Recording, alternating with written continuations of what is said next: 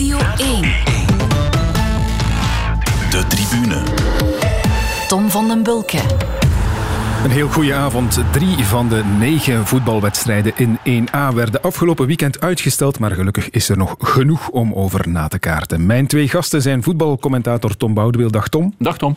En uh, Stefanie Forde.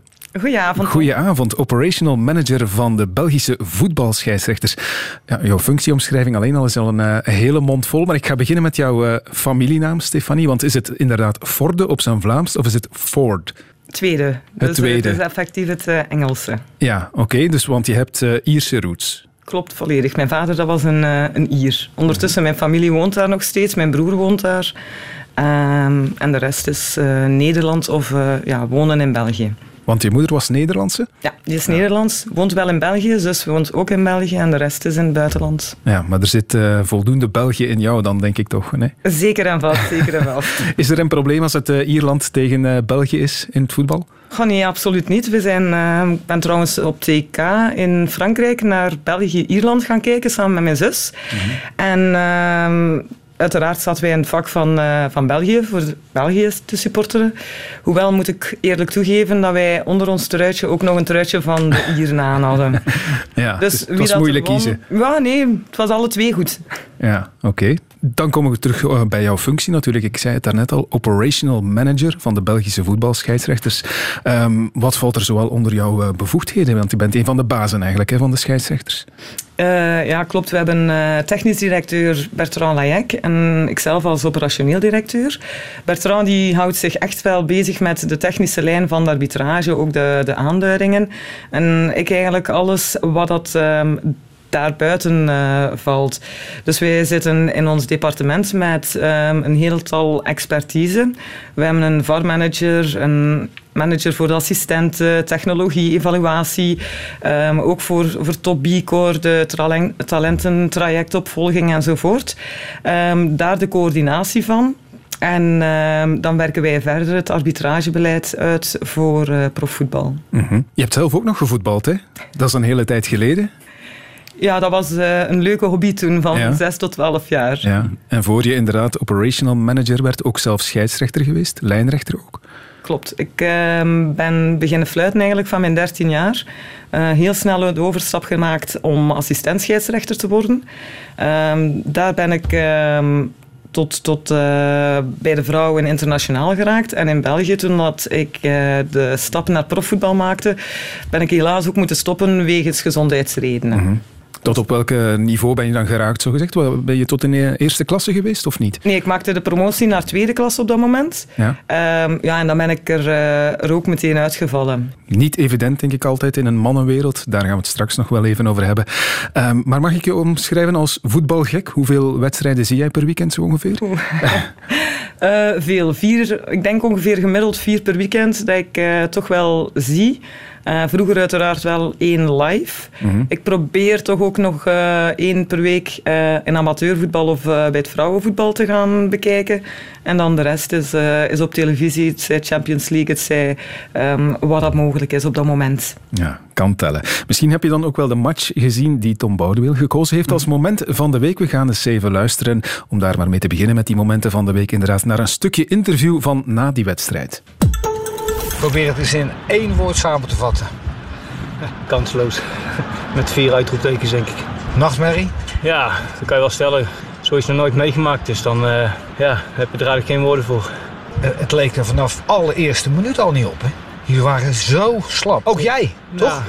We hebben denk ik eigenlijk een enorme dienst bewezen naar een midweekse wedstrijd om ze dan uh, zoveel uh, ruimte en tijd te geven. En uh, ja, dan hebben zij zoveel kwaliteit, dan, dan sta je gewoon in een rondo. Je gaat de wereld over.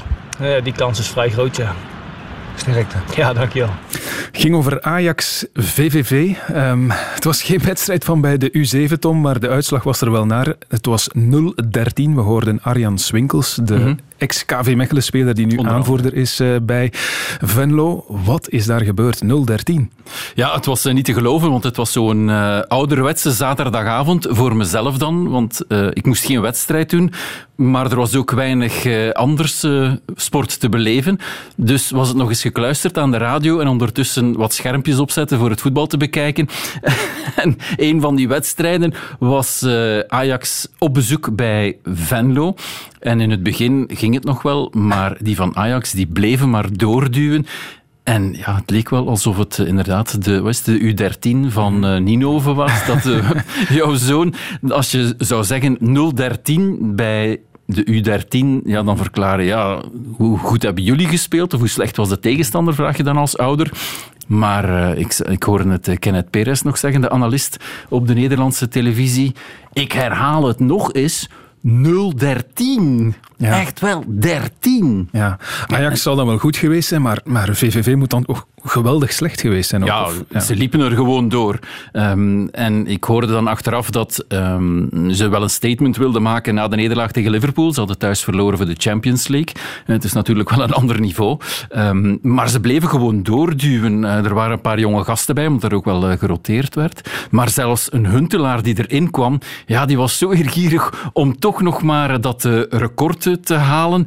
en wat mij nog toen ik het ook volgde op Twitter bijvoorbeeld, ja, die zelfspot van uh, de Twitter van VVV, dat moet je echt eens gaan bekijken. Mhm. Want in het begin, tot minuut 37 of zo, volgen ze nog alle fasen, maar dan zie je het afnemen en zie je alleen de goals nog. En daar, ja, wie het een beetje kent, eh, daar zetten ze dan ook gifjes bij, zo van die filmpjes. En een van de meest bekende is die van Homer Simpson, die achteruit stapt in een haag. dus bij 010 of zo stapt hij. En dan uh, was er ook eentje van uh, een acteur van, van The Office, die zo meewarig het hoofd schudt. En dan in minuut 87 was het we hebben het record te pakken. dus het record in uh, Nederland. En dan had ik ook wel te doen met Wassim Essanusi, want is, dat is de eerste speler ooit die inviel bij een 0-12 achterstand. Dus als je zelf voetballer bent geweest en je staat op te warmen en plots zegt de coach, kom je mag erin bij 0-12. Dan denk ik van nee, absoluut niet. Ja, ja. Dus ik vond dat uh, fantastisch. Ja, er waren natuurlijk wel anderen die zeiden van ja, dit is het failliet van de eredivisie, omdat ja, dit is wel rondgegaan. Mhm. Je zag het in Argentijnse kranten, de BBC is erop gesprongen. Ja, die denken ook van, wat is dat daar in de eredivisie? Nul 13. Ja, absoluut. Maar wel mooi inderdaad, die zelfspot uh, bij VVV. Heb jij die match ook gezien, Stefanie? Een van de vele die je bekijkt in het weekend? Nee, ik heb enkel de samenvattingen gezien. En uh, die heeft lang genoeg geduurd gewoon puur de goals uh, te bekijken. Maar wel prachtig op dat moment. Ja. Een uitdaging ongetwijfeld ook om daar als journalist inderdaad een stukje van te maken met al die doelpunten.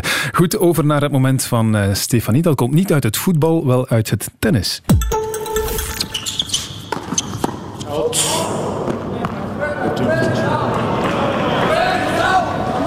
Hoe kan dit ja. oud zijn, roept Kachanov. Oh, rustig blijven. I saw it out. Where do you saw it? I saw it like this out. Like this out? Ja, mij lijkt die bal helemaal niet uit. Yes, like this out. Yes, this is how I saw it. That's why I called. If, okay, we will go tomorrow, today after the match, and we watch together. Okay. gaan we het zien. Oh, die is duidelijk in. Oh, oh, oh, oh.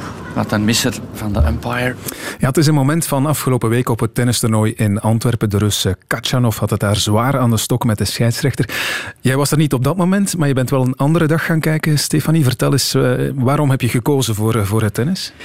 Ja, gewoon, ik hou enorm van uh, sport te zien en sport live te zien. En uh, met dat ik deze week niet live naar een stadion ben geweest, maar wel de mogelijkheid heb gehad om naar de European Open in Antwerpen te gaan. Um, en Andu, um, Andujar tegen Dimitrov bezig te zien ik vond, dat, ik vond dat geweldig. Ik vond dat een prachtige belevenis. Uh, niet alleen voor de sport en de emotie, daar rond te zien, maar ook gewoon de hele organisatie. Hoe pakt de, de Lotto Arena het aan met COVID? Uh, ook de scheidsrechters, hoe, hoe die wisselprocedure, ik vond, dat, ik vond heel, heel erg boeiend om te zien. Want op televisie heb je daar veel minder aandacht uh, aan dan wanneer je dat live gaat kijken. Dus voor mij was dat op dat moment enorm genieten. Ja, ik heb ook uh, dit stukje gekozen net, omdat het uh, maar aantoont dat het niet alleen in het voetbal vaak hommeles is met de scheidsrechter, maar het kan dus ook in tennis gebeuren. Hè? Maar jij zit dus echt wel dan te kijken naar die scheidsrechter in het tennis dan? Dat is een beetje beroepsmisvorming, of hoe moet ik dat zien? Ja, maar wij kijken ook al sowieso voetbal niet meer op dezelfde manier. Maar nu ook uh, die tennis. Uh, die Empire, die hoofdscheidsrechter, die zit daar dan met zijn iPad en ieder punt en, en die zit daar constant op te tokkelen. Ik vind dat, ja, ik vind dat echt wel uh, interessant. Heb je er bepaalde ideeën van opgestoken of, of zijn er dingen jou bijgebleven? Ja, nee, qua technologie kunnen wij sowieso daarvan van bijleren. communiceren naar, naar eventueel publiek.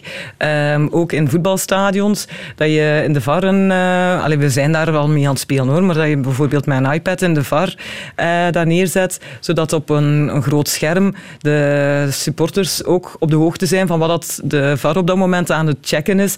Ja, hoe meer dat je, dat je communiceert, hoe meer begrip dat je ook creëert in, uh, in zo'n vol stadion. Hopelijk dat we daar terug naartoe kunnen komen. Dat hopen we zeker. Dat waren de momenten van de week. Dankjewel. De tribune. Terug naar het voetbal dan, want we hebben een nieuwe leider in de competitie. Laatste fluitsignaal. Voilà. Normaal zou er hier nu een geweldig volksfeest losbarsten. Maar meer dan wat muziek door de boksen uh, horen we niet. De Navarbies, de van stad. Pas op dat ons niet onderschat. Waar je manier aan klas voordat je het. Is jas van brood en wit. Is altijd fit. Ja, de supporters moesten thuis zelf de cd opleggen, inderdaad. Voor het eerst in 32 jaar is het dat Antwerp weer eh, aan de leiding staat in de hoogste klasse van het voetbal. Tom, start onder Ivan Leko was misschien nog uh, moeizaam, zou je kunnen zeggen. Los van de bekerwinst dan die er wel was. Maar ze staan daar dus wel op die eerste plaats. Ja, inderdaad. En ik eh, herinner me nog, de eerste weken 4 op 12 hadden ze. En het was allemaal niet zo vlotjes dat er toch al werd gekeken naar Ivan Leko. Want de erfenis was natuurlijk wel uh, groot. Als de Leuny heeft wel wat kritiek gekregen, maar uiteindelijk zijn zijn resultaten toch eh, redelijk eh, goed geweest. En dan begint hij wel met een, een bekerfinale, maar dan zou je kunnen zeggen, misschien heeft hij geprofiteerd van het onderschatten van eh, Club Brugge, omdat ze toch hun problemen hadden. De kern was ook niet helemaal voltallig, zeker niet als je dat vergelijkt met wat hij nu ter beschikking heeft. En het is toch een flinke ommezwaai geweest. Ik denk ook in de kleedkamer, op het terrein, omdat als je twee tegenpolen hebt, min of meer toch, ja, Beleuni en Leko op voetbalvlak dan, want allebei mhm. zijn ze gepassioneerd door het uh, spelletje. Um, ja, dat is toch een grote omschakeling. En het begin was moeizaam en ik denk dat iedereen al zat te kijken van, ja, Leko, zal het wel lukken? Maar ondertussen uh, denk ik uh, dat het voetbal beter wordt, dat het echt de voetbalideeën, de visie van Ivan Leko beter tot zijn eh, recht komt.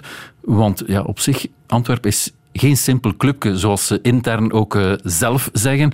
En Leko is ook geen simpele. Dat is ook iemand die voor zijn ideeën staat. En soms uh, ja, botst dat alles. Bijvoorbeeld met een Mbokani bijvoorbeeld. Als hij zegt van ja, ik heb liever toch een paar dagen dat ik ergens anders vertoef. Ja, het botst af en toe wel eens. Maar ondertussen staan ze er wel. En ze hebben ook wel goed ingekocht met een Benavente bijvoorbeeld. Dat is toch een, een zekere jongen die um, opnieuw zal moeten tonen wat hij bij Charleroi heeft uh, getoond. Dus uh, ja, het, het, gaat wel zijn gangetje. De vraag is natuurlijk, als we nu drie weken, een week geen Europees, en dan weer drie weken, het zijn ontiegelijk zware weken. En als ik uh, ja, de lijst eens bekijk, er zijn toch wel een aantal dertigers bij. Of ze op dat tempo van wedstrijden natuurlijk, of dat ze dat kunnen volhouden. Dat is het probleem. Ja. Ik ging het net vragen, want ze staan daar nu op de eerste plaats. Gaan ze dat volhouden inderdaad tot aan het einde van het seizoen? Gaan ze met andere woorden meedoen voor de titel ook? Of? Dat is een moeilijke. Dat is een moeilijke. Dat vind ik wel. Op basis van de kwaliteit die ze hebben. Want als je de achterste drie van de bekerfinale vergelijkt. Ja, en je kan daar nu wat meer voetballend vermogen zetten, wat toch ondertussen is gebeurd. Dat was het grote probleem in de bekerfinale. Daar stonden drie kasten van uh, verdedigers. Die kopten, die schopten alles weg. Maar daarmee kan je niet voetballen. Mhm. En dat uh, had Ivan Leko ook wel door. Want hij moet opbouwers hebben. Ja. Okay. En die heeft hij ondertussen met Gelei bijvoorbeeld heeft hij, uh, gekregen. Ja, en gisteren dus gewonnen in de stadsderby. Heel belangrijk is dat. Uh, maar het was niet allemaal halleluja bij Antwerp. Want achteraf zei voorzitter Paul Gijsens dit bij VTM. Was vandaag, vond ik, super jammer. dat ze een jonge scheidsrechter zonder ervaring en die ze dan nog, ja, je kunt het eigenlijk maar zo noemen, die ze verkeerd sturen, want oh, dat was toch niet, niet meer om aan te zien. En al die hele kaarten, dat waren geen opzettelijke fouten, mochten niet bougeren en, en ze mochten hem, eh, met onze spelers, ze mochten erop schoppen bijna. Zeg ik nog niks zeggen. Vind ik wel een beetje die fout op eh, dat tweede doelpunt aan ze gemaakt. Maar dat was een grote fout vooraf. Die jonge mensen moeten een kans krijgen als scheidsrechter, inderdaad. Maar er zijn toch mensen rond, bestaat ook een VAR. Ik denk, dat steekt mij enorm tegen. Ja, Stefanie, klachten over de scheidsrechter. Ehm, Dan kom ik bij jou terecht natuurlijk. Jasper Vergoten was het eh, gisteren. Het was niet om aan te zien, zegt Paul Gijsens daar. Wat zeg jij daarop? Voetbal is een emo- emotie en eh, iedereen heeft daar recht om, eh, om zijn mening daarover te uiten. Ehm, niet tegenstaande dat wij daar toch wel anders naar, te- naar kijken. We hebben ehm, een, een groot doel voor ogen, dat is de kwaliteit eh, van de arbitrage te verbeteren.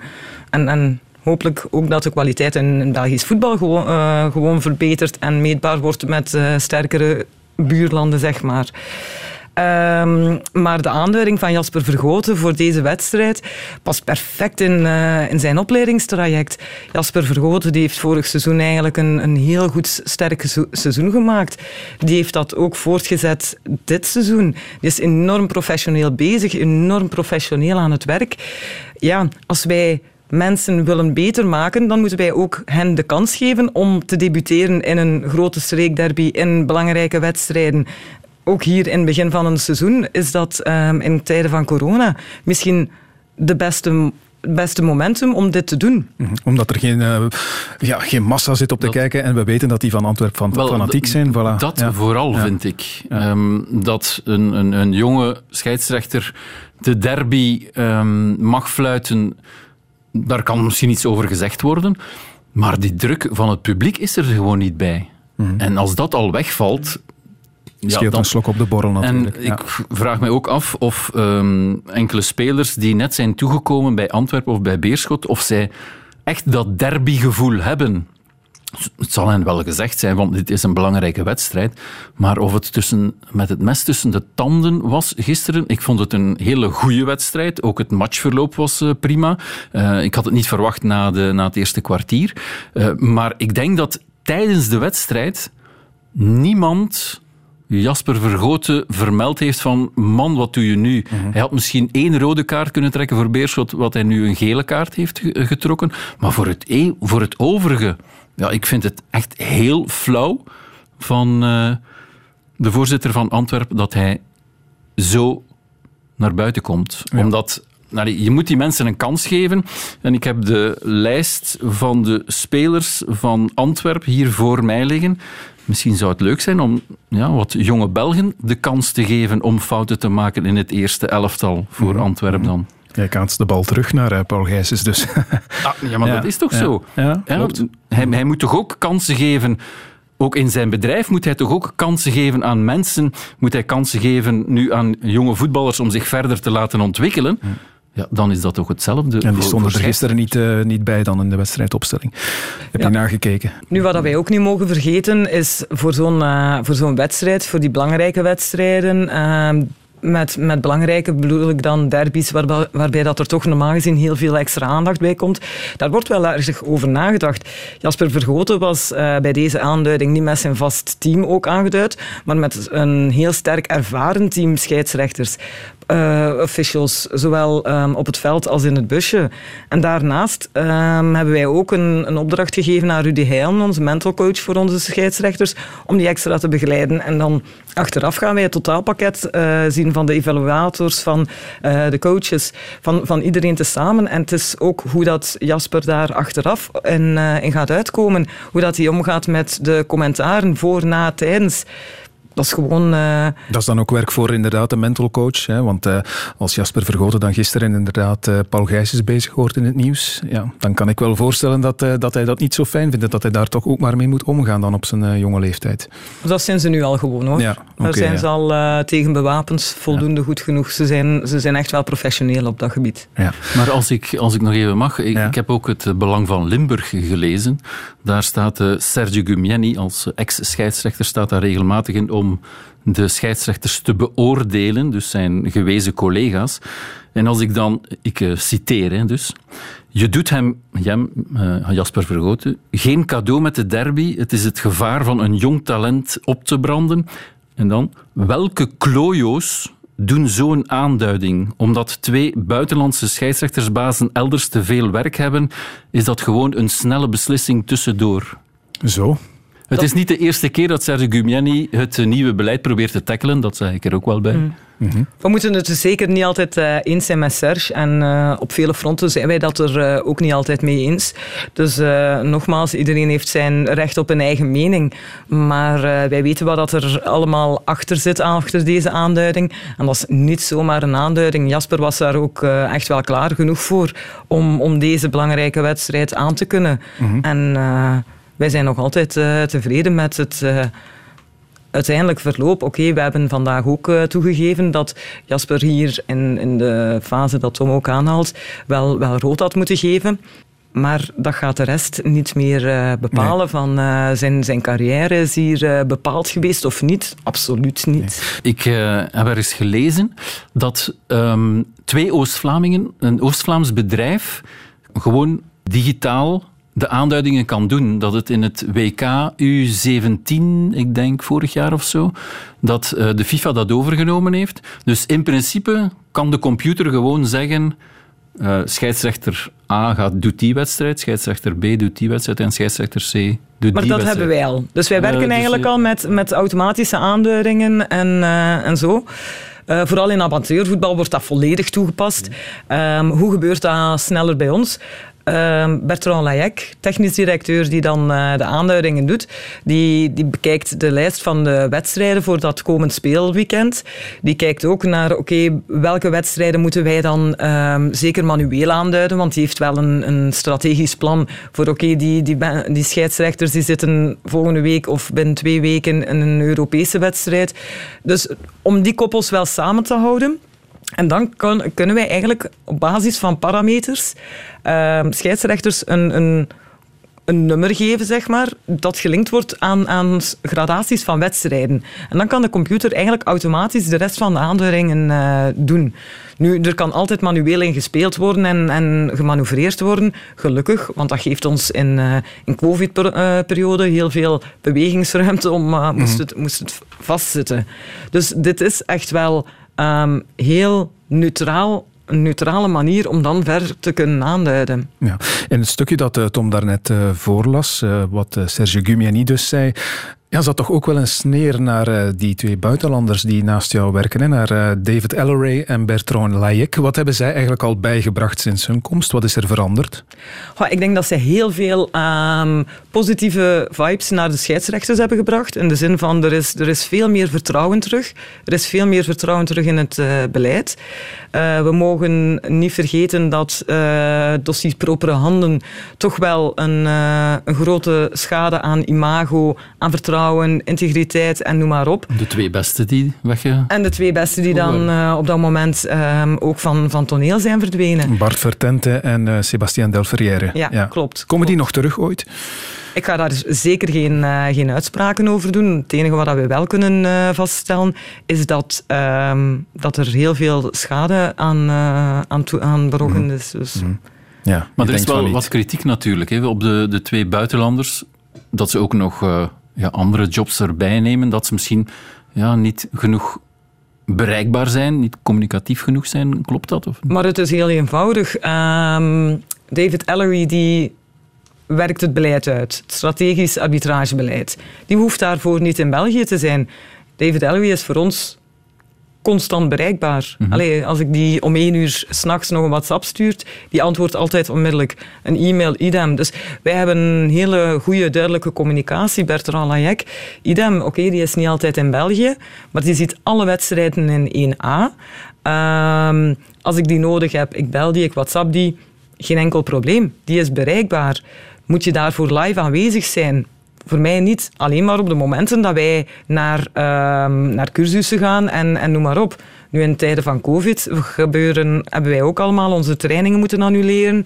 Um, ook onze referee courses vinden niet meer, uh, geen plaats meer. Maar dan dat wordt wel vervangen door virtuele opleidingen. Dus of dat die nu dan in Frankrijk zit of die zit in, in de andere kant van de wereld, dat maakt absoluut geen... Uh, Want als, als de scheidsrechter bijvoorbeeld een vraag hebben, gaan die dan via jou of kunnen die rechtstreeks bij hen terecht? Ja, dat is afhankelijk wat voor een vraag dat zij hebben. Als het gewoon puur gaat over technische wedstrijden, dan is dat uh, bij Bertrand en al de rest komt uh, naar mij. Ja.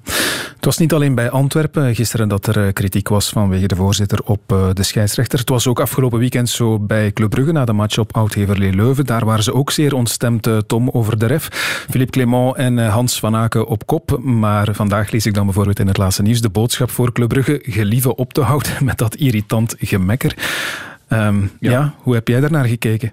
Uh, nee, ik sta uh, volledig achter de woorden van Niels Poissonnier, de man die het stuk mm -hmm. geschreven heeft. Want het was ook zowat de enige die echt kritisch heeft gekeken naar de wedstrijden die Club Brugge de voorbije weken uh, heeft uh, gespeeld. Want we moeten eerlijk zijn, de tweede helft tegen Standaard bijvoorbeeld was al redelijk slecht. Ze kregen gewoon de controle niet, ondanks het sterke middenveld. Ook tegen Anderlecht, de goal van Amuzu die afgekeurd werd, als die wel doorgaat, ja, wat dan?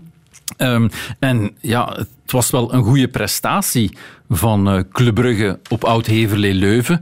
Maar ik vond, ja, die wedstrijd moet je altijd winnen. Want Oud-Heverlee-Leuven wordt nu um, de hemel ingeprezen door alles en iedereen. Oké, ze hebben een prima seizoen tot nog toe. Maar als Club Brugge daar een killer heeft, à la Lukaku of Lewandowski, of iemand die echt wel beter kan afwerken en vooral, en dat uh, heeft de Peter vanmorgen ook in zijn analyse gezegd, als er een beetje minder egoïstisch wordt gespeeld en de sterren bieden de ploegmaat het doelpunt aan, ja, dan wint Club Brugge daar makkelijk. Want in bepaalde perioden heeft Club echt wel heel goed gespeeld. Hebben ze perfect de ruimtes gevonden op de flanken en waren er echt wel genoeg kansen om te winnen. En dan heb je de scheidsrechter absoluut niet nodig, want ondertussen is er een heksenjacht bezig van alles wat blauw en zwart is tegen Alexander Boucault, worden de cijfers boven gehaald. Maar je kan nu zeggen, het was geen penalty voor Sobol. Hij moet er wel afblijven. Mm Het was geen penalty aan de overkant. Oké, okay, dit weegt tegen elkaar op. En wat ook geldt voor Jasper Vergoten. Uiteindelijk heeft Antwerp gewonnen. En was dat redelijk logisch. Hier heeft Oud-Heverlee-Leuven gewonnen. Hij heeft geen invloed gehad op, op het resultaat aan zich. Nee. Dus ik vond het een beetje jammer dat dat naar boven kwam. Dat hij ook nog na het laatste fluitsignaal ging mekkeren bij Buko. Terwijl als, hij, als zijn mannen gewoon meer killer waren geweest en de vele kansen hadden afgewerkt, ja, dan kloeg niemand daarover. Ja. Nochtans, het eerste wat uh, Philippe Clement deed na het uh, eindsignaal was uh, naar de scheidsrechter lopen om zijn ongenoegen kenbaar te maken. Het was ook niet de eerste keer eigenlijk. Hè. Hij had zich onlangs ook al opgewonden na Standaard Club Brugge met die penalty voor die hensbal van Mats Rits. Philippe Clement heeft daar toen niks van begrepen. Het is heel moeilijk om een wedstrijd op standaard tegen een goede tegenstander te winnen als je twee, twee penalties tegenkrijgt ja, die onterecht zijn. Die eerste fase, dat zijn, die zijn dingen die soms gebeuren. Maar die tweede, dat is voor mij een heel grote moeilijkheid. En ik hoop dat hier iemand in de zaal zit die mij kan helpen. Want ik kan dat niet aan mijn spelers uitleggen volgens de regels die ons elk jaar opnieuw op een goede manier worden uitgelegd. Ja, hij begrijpt het niet. Uh, het gaat hem dus vooral over die fase met die hensbal van uh, Mats Rit, Stefanie. Zijn ze nu duidelijk of niet, die regels over handspel? Nu, handspel is echt wel heel ingewikkeld, zeer technisch. Ik denk dat het al, al een noodzaak is dat iedereen eerst echt het reglementenboekje zou lezen. En dan niet alleen maar verder gaan op de, de uitleg die daar verder uh, vandaan komt. Omdat één, als je de, de uitgelezen en uitgeschreven tekst en notie daar, daarbij kan leggen voor jezelf en dan de nuances en, en de uitzonderingen en, en nog een andere uitzondering op, op die regel, ja, dan wordt dat iets meer verstaanbaar. Maar het blijft een enorm complex gegeven. Um, nu, vorige week heeft uh, Frank de Blekeren dit wel um, in zeer klare taal kunnen uitleggen, waardoor dat het hopelijk toch voor uh, het overgrote deel van, van kijkend voetballiefhebbers uh, België, dat dat toch een... Um, ja, een stap in de goede richting is voor uh, verstaanbaar. Ja. Hein van Hazenbroek uh, heeft er zich nog over opgewonden. Hè. Vorige week in een uh, column in het Nieuwsblad. Hij zei toen, ja, het is heel erg dat blijkbaar spelers, trainers, maar ook sommige journalisten en analisten niet lijken te begrijpen of te snappen hoe die regel nu in elkaar zit. Hij begreep het dan uiteraard wel. Dat was de kern van zijn betoog ook. Maar goed, vind jij dat zelf ook straf dat, dat Philippe Clement zegt van ik begrijp het niet? Terwijl het inderdaad wellicht dan in de regels beschreven staat. Ja, ik vind, ik vind het ook gewoon soms teleurstellend, maar ik denk, moesten jullie eens een anonieme enquête maken en uh, bij spelers en, en stafleden vragen, hebben jullie eigenlijk ooit al eens het reglementenboekje gelezen? Ja, ik denk dat je zou verschieten van de resultaten die daaruit voortvloeien. Natuurlijk, de instructies die wij in het begin van het seizoen meegeven, ja, dat zijn niet de regels van het voetbalspel. Daarvoor heb je veel te veel tijd nodig om dat te kunnen uitleggen. Dus dat zijn um, ja, aanpassingen op die regel. Maar als je de basis al niet kent, ja, dan wordt het heel moeilijk om, om de aanpassingen ook te gaan beginnen begrijpen. Maar in het artikel van uh, Hein zei hij, hadden ze niet beter een filmpje gemaakt in het begin van het seizoen? Um, enkele jaren geleden hebben we inderdaad met um, Voetbal Vlaanderen nog een filmpje gemaakt waarbij dat er um, toen 93 nieuwe spelregelwijzigingen waren en dan daar de 10 main focus points uh, van gemaakt. Nu, de laatste twee jaar zijn er maar echt wel beperkt aantal wijzigingen geweest in de spelregels. Hier en daar. En dan is dat niet efficiënt genoeg om een, een heel filmpje te maken, want er gaat niemand naar kijken, bij wijze van spreken. -hmm. Ja, terwijl die, die, terwijl die, die fases met handspel nu echt wel veel besproken zijn. Hè. Je merkt toch dat daar duidelijk commotie rond is uh, de laatste weken.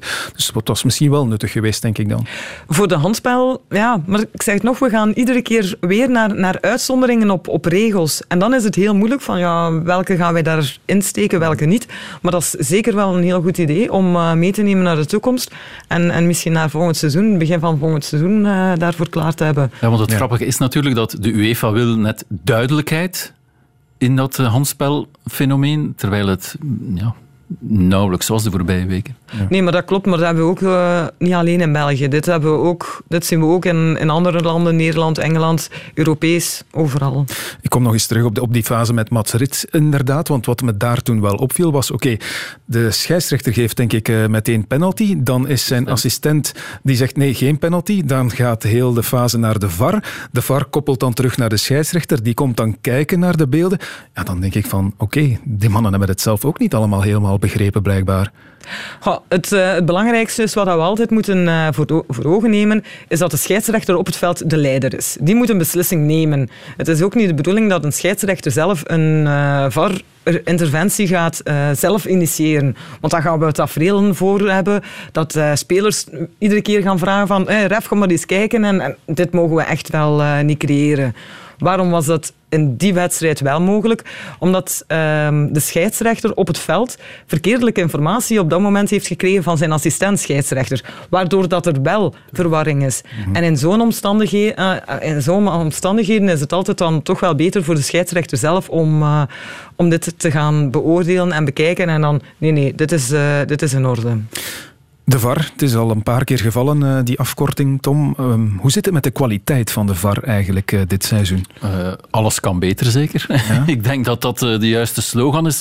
Ik denk um, ja, dat er een aantal problemen zijn geweest, dingen die niet gezien zijn of onterecht geroepen. Um, ik bedoel dan voor de scheidsrechter dan komen halen. Ja, ik denk dat er nog wel wat werk op de plank ligt en vooral veel oefenen, denk ik. Nee? Ja, sowieso. er zijn wel een aantal aspecten aan de VAR, waaronder dat wij ieder jaar constant nieuwe mensen zijn aan het opleiden. Dus je hebt dan ervaren vars, die mm-hmm. ook, ook bepaalde fouten niet meer maken dan, dan wanneer iemand in dat busje komt voor de allereerste keer. Dan moet je, dat is gewoon logisch. Maar er is ook nog een heel groot verschil tussen wat wij willen en verwachten en wat dat de UEFA-normen daarin zijn. Wat dat de graad van interventie voor UEFA is. Um, als we kijken naar Belgisch voetbal en, en Engels voetbal, dat is ook al een heel groot verschil. Dus, dus die lat ligt, ligt voor een VAR-interventie heel erg hoog. Als we kijken naar cijfers, een, een scheidsrechter neemt uh, eh, 84% correcte beslissingen.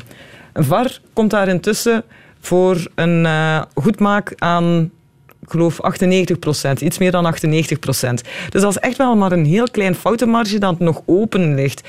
Dan moeten wij heel eerlijk zijn. Het blijft een menselijk aspect. Het zijn... Je hebt de scheidsrechters op het veld als mens, je hebt de scheidsrechters in het busje als mens. Daar zitten geen robotten, dus een, een menselijke foutenpercentage. Nu, bepaalde fouten, akkoord, Tom, die, die moeten eruit. Maar dat gaat training zijn. En dat gaat training zijn niet enkel in België, dat gaat ook hetzelfde zijn voor, uh, voor onze noorderburen in Engeland. Het maar is, is het nog verschil zoeken. omdat zij daar professioneel zijn, dat ze daar meer kunnen uh, meedoen? Ik zeg nu maar in Engeland bijvoorbeeld, als het professionele scheidsrechters zijn, dat ze daar meer tijd kunnen aan besteden. Omdat hier bij ons zijn het semi-profs, hebben nog een, een, een halftijdse baan, uh, een job ernaast. Staan wij daar nog ver van af eigenlijk, ja. van professionele refs in België? Ik uh, durf daar uh, op dit moment geen, geen sluitende uitspraken over doen, maar we moeten wel rekening houden ook met het feit van de 26 scheidsrechters actief in profvoetbal zijn er 12 semi-prof. Hmm. Maar wij zitten ook nog eens met 38 uh, assistentscheidsrechters. Zij moeten ook gewoon evenveel trainen en doen als je weet dat een, uh, een scheidsrechter en assistent-scheidsrechter tussen de 25 en de 30 uur per maand moet trainen om, uh, om, om fit te blijven, om de juiste beslissingen tot op het einde van een wedstrijd te kunnen blijven halen, zodat de fatigue niet doorgaat. Ja, ja dan... Ja. Ze hebben wel opslag gekregen, hè? Dat toch? Ja. Ja, ja dat is goed. Oké, dat is een begin. Nee, nee, sorry, maar ik, je zei het al zo. Ze hebben wel... Nee, nee, ik vond um, inderdaad, er is, een, um, er is een opslag geweest voor, um, voor de VAR, voor de assistent-scheidsrechters, voor de scheidsrechters op het veld. Uh, op dit moment.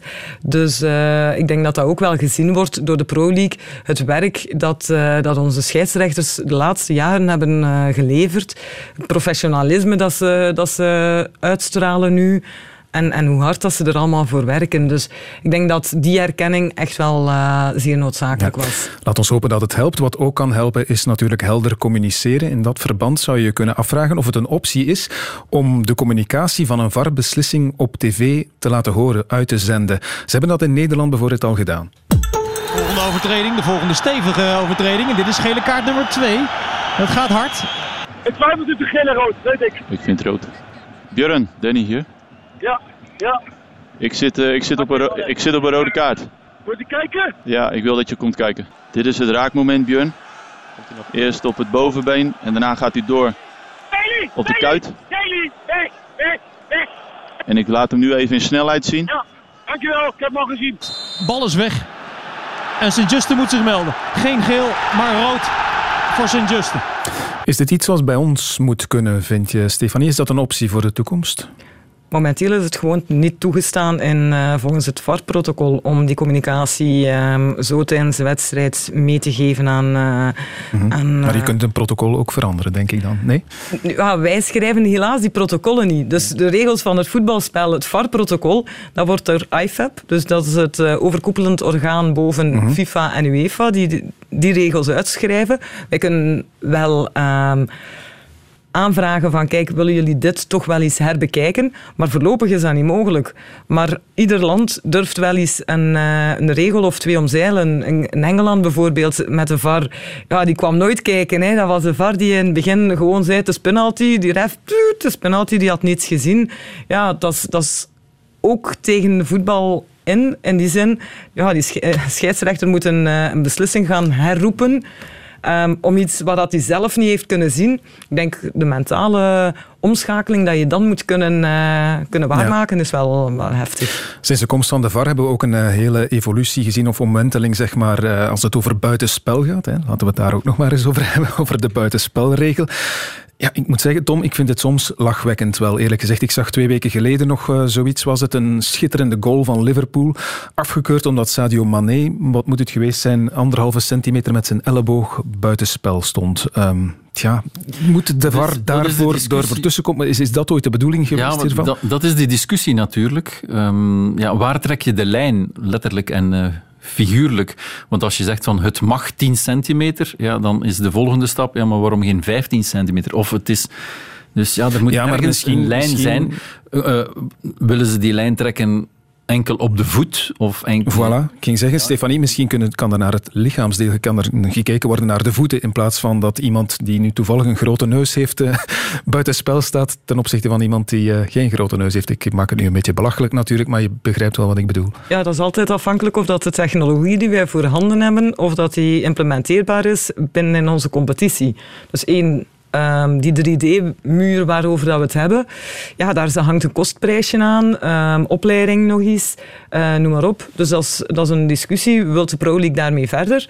Wilt de Pro League daar niet mee verder? Dat, is er een uh, verschil België, ik zeg maar Engeland, uh mhm. -huh. qua buitenspel? Buitenspel is toch buitenspel? Nee, maar je, als, als in, in Engeland bijvoorbeeld, als zij wel een 3D-muur hebben, dan mogen zij wel gebruik maken van die 3D-lijnen. En dan gaat bijvoorbeeld de lijn gezet worden op uh, het verlengde van, van zijn voorhoofd dat voorover gebogen is. Terwijl wij trachten dat dan toch wel meer te doen. Um, maar het uiteindelijke doel, als het heel moeilijk is om de lijn te plaatsen, dan geven wij wel um, support the referee's decision. Dus als dan gaan wij niet, als het te moeilijk is en, en te dubieus, dan moeten wij zien dat de beslissing van de scheidsrechter op veld, op, van de assistent-scheidsrechter op het veld uh, genomen is. Ja, want in principe is buitenspel factueel dat is een feit. Ja. Wel, in, in vele gevallen wel, maar als je ziet, buitenspel is al zodanig geëvolueerd. In, in 1925 tot daarvoor was dat nog met, met drie personen dat je voorlaatste verdediger was. Maar ik denk nu ook met de komst van de, uh, van de VAR, en, en ik heb zo al wat geruchten gehoord, ja, binnen dit en tien jaar gaan er nog assistentscheidsrechters zijn um, als uh, de VAR in, in die wedstrijden aanwezig zijn. Um, ja. ja. Oké, afsluitend over de VAR. Uh, Tom, vorige week in uh, Extra Time op uh, Canvas zei Filip Joos, hij mocht antwoorden op de vraag, wil je nog een VAR of niet? Hij zei nee. Wat zeg jij? Ik wel. Uh, om bijvoorbeeld het doelpunt van Xavier Mercier, om dat te laten doorgaan, want dat was het perfecte voorbeeld dat de VAR wel kan werken. Het, heeft zijn tijd nodig, maar ik vrees ja, dat het niet sneller kan. er was ook de discussie bijvoorbeeld PSV, had een penalty gekregen Um, afgelopen weekend, maar werd ongedaan gemaakt in de toegevoegde tijd. Ze hebben 2-1 verloren tegen Vitesse, dus er was ook heel wat hetze rond. Maar Bas Nijhuis, in Nederland mogen ze wel uh, communiceren, heeft dan op tv gezegd, ja sorry, Danny Makkely, een van de allerbeste, zat in het uh, VAR-busje en die heeft hem teruggefloten. Oké, okay, ja, is geen penalty. Oké, okay, de VAR mag blijven. De tribune. Maar we kunnen er wel nog jaren over discussiëren, denk ik, als we willen over scheidsrechterlijke beslissingen. Maar helaas hebben we zoveel tijd niet vanavond en er is nog wel heel wat te bespreken eigenlijk. Om maar te zeggen, de vrouw als scheidsrechter, het is een rariteit, kun je zeggen, in binnen- en buitenland. She's an assistant referee in the Premier League and EFL. Sean Massey Ellis believes there's nothing negative at all about being a female official. I think it's all positive, really. Um, as long as I keep doing my job, then hopefully I'm changing some people's mindset. Do you see yourself as a as a bit of a role model?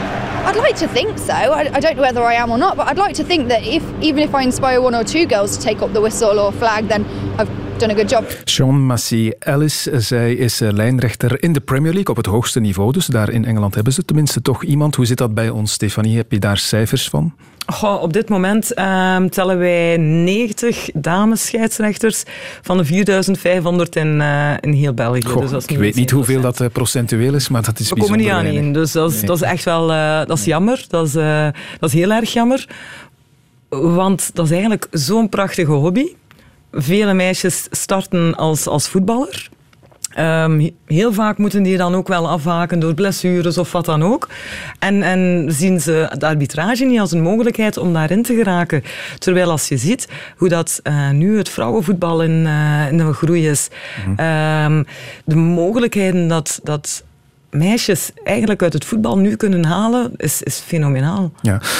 Er moeten nog andere redenen zijn natuurlijk. Hè, waarom, waarom het, het, aantal zo laag is. Is dat bijvoorbeeld ook, Tom, denk je, een probleem met aanvaarding? Omdat het vooral een mannenwereld is en het niet zo evident is? Jij zit ook al zo lang in het voetbal. Je... Ja, ik, een paar weken geleden hadden we nog een uh, vrouwelijke scheidsrechter. Een van de meest bekende, denk ik. Tina Titica, Big Smile. Um, die in derde provinciale haar wedstrijd perfect heeft, uh, perfect ja. heeft uh, gedaan. Maar inderdaad, het is aanvaarding, dat is één van de redenen. Um, je, je, hebt het, uh, je hebt het zelf ook gedaan, hè? we hebben dat al gezegd, Stefanie, lijnrechter geweest.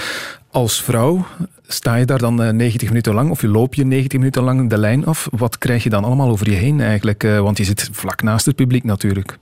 Oh, dat, is, dat is echt wel heel verschillend. Um, in die zin de allereerste keer dat je naar een club komt en waarbij dat ze jou niet gewoon zijn, ja, dan krijg je wel de eerste stereotype opmerkingen. Uh, ik, moet het, allee, ik denk dat, dat je er zelf wel een invulling Je mag het gerust zelf zeggen hoor. nee, Kinderen luisteren niet. Op zich, uh, zo gewoon van zoals een string dragen, zulke uitspraken dat je dan weer denkt. Maar om een uur loop je daar lang genoeg in. Je wordt aanvaard. Uh, je bent daar om prestaties neer te broken en, en niet voor wie of wat of, of hoe dat je eruit ziet, maakt niet uit. Je moet gewoon doen wat, waarvoor dat je aangeduid bent. Mm -hmm. En dat is om die, die wedstrijd te doen. Ja, er is onlangs een campagne opgestart voor meer vrouwen op belangrijke functies in de topsport onder de noemer Game Changers met onder meer Ann Wouters. Ja, we willen eigenlijk vooral sensibiliseren. Dat uh, ja, in de sportwereld toch nog een heel mannelijke wereld is. We hebben dan niet natuurlijk over de vrouwelijke atletes, maar ook over heel de omkadering. Zoals coaches, officials, bestuursleden. Is toch nog heel, heel mannelijk. En daar willen we echt wel verandering in brengen. En ik denk dat de tijd daar echt voor, rijp voor is. Dat er meer, ja, ergens gelijkheid komt, ook in die sportwereld. Ja, het voetbal, en dus niet alleen het voetbal, is inderdaad vooral een mannenwereld. Vind je dat zelf een probleem? Maar ik ben niet anders gewoon. Dus ik heb eigenlijk altijd al uh, gevoetbald met, uh, met jongens. Um, dus ik ben daar echt wel in, in meegegroeid. Nu, eerlijk toegeven, voetbal is een harde wereld. En, je moet stevig in je schoenen staan um, om daar te overleven. Um, en, en sterkte daarin te blijven staan. maar dat geldt ook voor mannen. Dus, dus daarin zit er geen, geen verschil.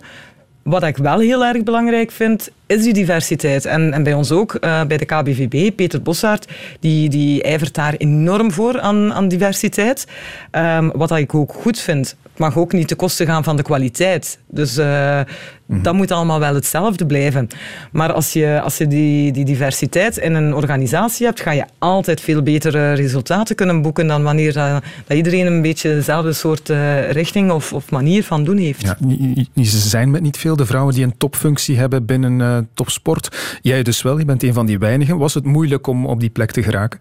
Goh, ik heb eigenlijk altijd uh, hard gewerkt. Um, de moment dat ik in, in de arbitrage ben terechtgekomen in de KBVB voor de opleiding, um, heb ik daar niet stil bij gestaan. Ik had mijn projecten, ik had mijn doelstellingen en ik, ik scherp iedere keer mijn doelstellingen aan. Op een bepaald moment zijn wij de implementatie van de VAR in, in België gaan, uh, gaan opnemen. Ik denk daar dan niet bij na. Oké, dat is dat project. Wij moeten dit doen slagen. En dat is niet van, als ik dit doe, dan, dan ga ik dat bereiken. Nee, dat was absoluut niet, niet de doelstelling. Dus, dus denk dat het altijd heel erg belangrijk is dat je, dat je hard werkt, dat je je doelstellingen stapgewijs um, gaat aanpassen en aanscherpen. Maar en hebben ze jou ook snel aanvaard? Dan moet je afdwingen, hè. Mm -hmm. Ja. nee, ik, ik heb daar echt geen probleem mee. Waarom? Omdat ik ook al die jaren meedraai. Uh, van mijn dertien zit ik in de arbitrage mensen zijn jou ook gewoon. Het is ook heel belangrijk om jezelf te, te kunnen zijn en blijven en niet veranderen in, naarmate dat je, um, dat je positie te hard verandert of, of wat dan ook, dat je ineens moet gaan zeggen van ja, maar het is nu wel mevrouw geworden. Nee, nee, mhm. alles, alles blijft hetzelfde. Je bent nog altijd diezelfde persoon. Ja. Scheidsrechter, het is niet makkelijk, hè, Tom, maar uh, we nee, hopen... Niet, maar ik, ik raad het... Ja? Ik, ik doe dat al jaren. Ik raad het onze collega's, de analisten, raad ik het echt aan om zelf eens te fluiten. Echt waar hoor. Mm -hmm. Het is echt, wij zitten daar boven en we zien alles heel goed, maar als je ertussen loopt, ja, het is echt heel moeilijk. Ja. Ik hoop ook dat het kan blijven gebeuren de komende weken, hè, want dat is ook nog een vraag. De volledige COVID-situatie mm. in het voetbal. Hoe lang gaan we nog voetballen eigenlijk? Dat is uh, een goede vraag, denk ik. Omdat uh, ja, nu zijn de clubs uh, Waasland-Beveren, Moeskroen, Mechelen maar wat volgende week, want dan komen uh, Club Brugge en um, KV Mechelen. AA Gent samen met uh, Waasland Beveren en KV Mechelen. Dat ja. zijn de twee wedstrijden. Dus uh, er is misschien nog wel wat plaats. Ik heb gezien dat ze gevraagd hebben aan UEFA om ook op um, wedstrijddagen van Champions League en Europa League eventueel te spelen, want nu mag dat nog niet. Maar ze zouden even goed om drie uur kunnen spelen op die dagen. Want er mag toch geen volk komen kijken. Dus het zijn Ja. toch allemaal profs. Dus, maar ik eh, vrees er een beetje voor. Ja. Bij Anderlecht nu weer eentje. ja. Ja. En het verbetert er niet op als je naar de cijfers kijkt. Corona en arbitrage, ehm, welke impact heeft dat? Eh, wel, we hebben ehm, corona heel lang kunnen buitenhouden binnen de arbitrage. Nu, afgelopen speelweekend hebben wij toch ehm, enkele wijzigingen hebben wij bij de laatste st- testingronde, zeg maar, eh, toch ook eh, positieve gevallen gehad. Op het hoogste niveau. Op het hoogste niveau, klopt. Ja. Scheidsrechters ook? Ja, scheidsrechters en assistent scheidsrechters. Maar die hadden geen wedstrijd gefloten dan? Ze werden preventief aan de kant gehouden dan? Ja, vanaf het moment dat zij positief getest zijn, dan worden zij van hun wedstrijd gehaald en vervangen eh, door iemand anders. Dat is ook de reden waarom dat wij GDPR-gewijs de aanduidingen pas bekendmaken vrijdagmiddag. dat, is, dat is absoluut niet fijn, nog voor de clubs, nog voor ons. Dat is, dat is administratief een, een enorme druk eh, dat wij aan iedereen helaas moeten, moeten opleggen. Maar, maar we kunnen niet anders. En ze worden ook allemaal, dus assistenten inbegrepen, voor elke match, voor elke speeldag worden ze, worden ze getest. Ja, iedereen. Iedereen die een, eh, een rol eh, uitoefent op een wedstrijd zal getest worden. Ja, want overdreven veel scheidsrechters zijn er niet, hè, dus er mogen er ook niet al te veel uitvallen, denk ik dan. Nee, ik ga in alle eerlijkheid, ehm, als we nu afgelopen speelweekend zagen en, en er vielen enkel, eh, enkele wedstrijden af, dan was ik vrijdag wel al aan het rekenen dat die wedstrijd zeker naar onze planning toe beter niet zou gespeeld zijn. Waardoor dat we toch eh, onze scheidsrechters konden eh, schuiven. Dus je vond het eigenlijk niet zo erg dat er een paar wedstrijden weggevallen zijn, begrijp ik dan. Puur vanuit jouw job natuurlijk. Ehm, laat ons zeggen, dat heeft ehm, oplossingen gecreëerd. Praktisch kwam het goed uit. Ja. Ja. Laatste vraag, Tom, want we zitten in de bijna laatste minuut alweer. Ehm, het jeugdvoetbal, gaan we daar nog mee voort? Want eh, je ziet dat veel clubs op eigen initiatief nu al stoppen. Ja, wij zijn vorige week maandag al gestopt. Alleen trainen voor eh, de jeugd. Bij jouw club Kalken. Ja, iedereen kijkt naar Voetbal Vlaanderen, maar blijft kijken naar Voetbal Vlaanderen. En die gaan woensdag beslissen, maar dat zal ook tactisch zijn. Want morgen ga ik ervan uit dat eh, de overheid de jeugd zal stilleggen, net zoals in eh, Brussel en eh, in eh, Wallonië. Dus dan kunnen ze zeggen, oké, wij gaan het ook stilleggen. Oké. Dat is voor later deze week. Ik denk niet dat we daar naar uitkijken, maar waar kijken we wel nog naar uit eh, deze week op sportief vlak? Tom, ik ga bij jou beginnen. Goh, ik zal eh, zo meteen Gent-Genk en de terugkeer van Torp, want ik zie dat eh, de ultras al een fantastisch spandoek hebben gemaakt, dat ze niet mochten ophangen in eh, het stadion om de spelers niet te demotiveren. En als ik de spelers van Gent, de artikels lees, ja, mai, Oké. straf. Stefanie? Goede arbitragebeslissingen. Oké, dat je niet te veel eh, feedbackwerk hebt in het eh, komende weekend. Zo is dat. En Champions League natuurlijk ook, Tom. Woensdag. Club Brugge, Lazio. Ook eh, zeker om op te schrijven. Voilà. A-agent Racing Genk komt er inderdaad aan met Niels van Duizen. Veel plezier daarmee.